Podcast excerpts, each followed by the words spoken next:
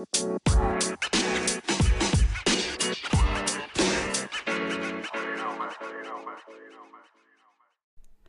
dat je luistert naar weer een nieuwe aflevering van de Herstellen van Burnout podcast.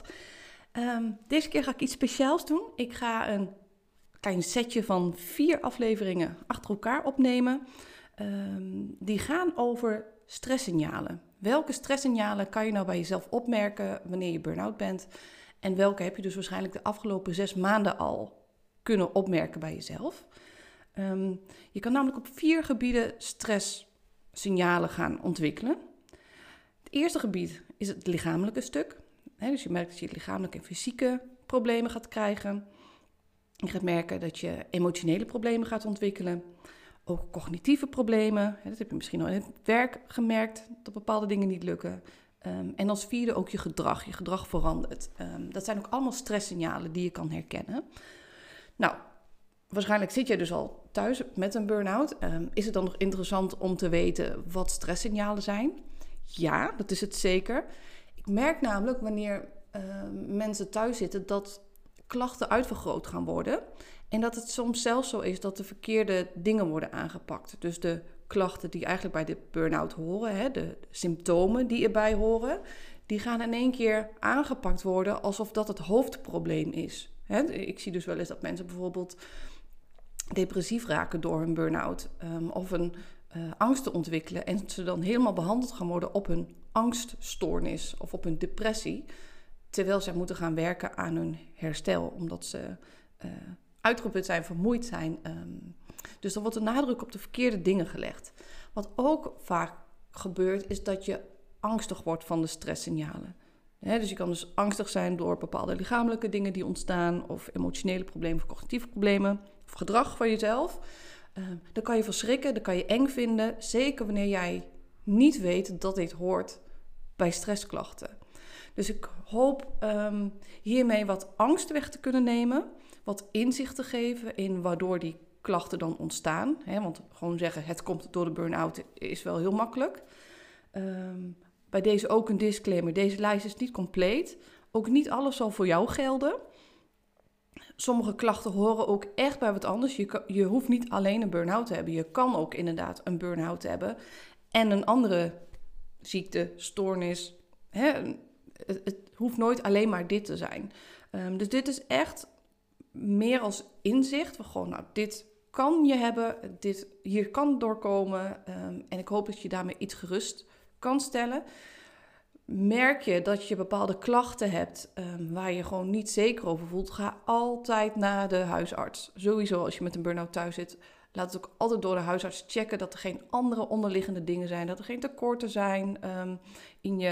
Je kan bepaalde vitamines, mineralen, je kan overal tekorten van hebben, waardoor je ook burn-out-achtige klachten hebt. Je kan gaat krijgen. Je kan uh, in, in, een overgang zitten. Um, hou daar ook rekening mee. Blijf natuurlijk altijd zelf nadenken. Maar ik denk dat deze uh, lijst met signalen heel interessant kan zijn. En dan wil ik voor deze podcastaflevering met jou beginnen um, op het fysieke stuk. Dus de lichamelijke problemen die je gaat ervaren wanneer je veel stress hebt. Dus dit is misschien al iets wat jij nou ja, de afgelopen zes maanden al hebt. Eerste wat je gaat zien is dus dat dat immuunsysteem minder goed gaat functioneren. wanneer je veel stress ervaart, gaat die eerst heel goed functioneren. Want je lichaam denkt, yes, uh, actie, we moeten overleven, we moeten wat doen. Dus die pompt heel veel stresshormonen in je lijf. En daardoor gaat je immuunsysteem even heel goed werken, zodat je nou ja, kan overleven tijdens gevechten of uh, uh, moeilijke periodes. Maar op een gegeven moment gaat jouw immuunsysteem veel minder goed functioneren. En dan ga je dus merken dat je allerlei lichamelijke klachten gaat ervaren. Ook heb je daardoor, hè, doordat je dus even in die overlevingsstand gaat, veel energie verbruikt. Hè, hoge hartslag, hoge spierspanning. Um, en door constant aan te staan, gaat dat ook leiden tot uh, nou, fysieke problemen. Je kan dus energieproblemen gaan krijgen. Je kan gaan merken als je nog in die overspanning zit dat je veel te actief bent. En wanneer je echt al burn-out bent, kan het ook zijn dat je totaal uitgeput bent. Uh, dat je constant vermoeid gaat voelen. Uh, je gaat merken dat je niet gaat herstellen na een inspanning. Um, klachten zoals hoofdpijn, spierpijn, nekrugpijn, lage rugklachten. Dat komt allemaal doordat je vrij gespannen leeft en je een te hoge afgifte hebt van stresshormonen. Waardoor jouw lijf constant te veel geactiveerd is. Dus die spierspanning is steeds te hoog. Dat verklaart dus ook waarom spieren uiteindelijk pijn gaan doen. Ze moeten constant te actief uh, worden ze geprikkeld door je zenuwstelsel. je merkt de spanning in, in, je benen, maar dus ook die hartklachten, hè? hartkloppingen, druk op de borst, hartritmestoornissen. Um, veel hart- en vaatziekten die komen dus ook door stress. En dat is soms een heel onbevredigend antwoord. Hè? Als je bij de dokter zit met ja, de angst dat er iets met je hart aan de hand is en hij zegt het komt door stress.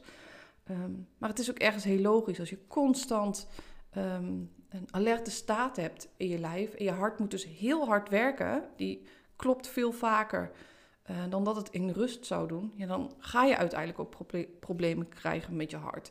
Dus het verlagen van die stresshormoonafgifte, dat is je doel natuurlijk met het herstel van een burn-out. Um, zodat je lijf echt weer kan gaan ontspannen, zal er dus ook voor zorgen dat al die um, spierpijnen uh, gaan afnemen en dat die hartklachten gaan afnemen.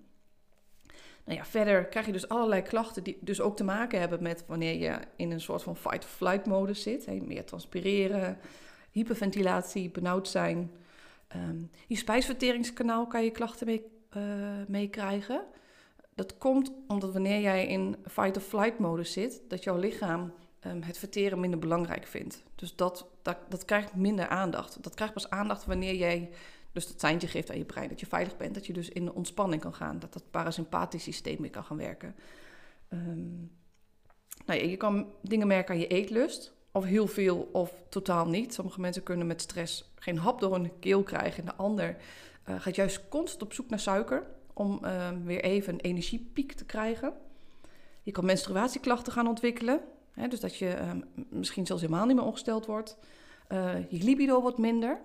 En dit is een ding wat wel belangrijk is om te weten wanneer je dus gestrest bent en je hebt geen uh, behoefte of zin meer aan seks.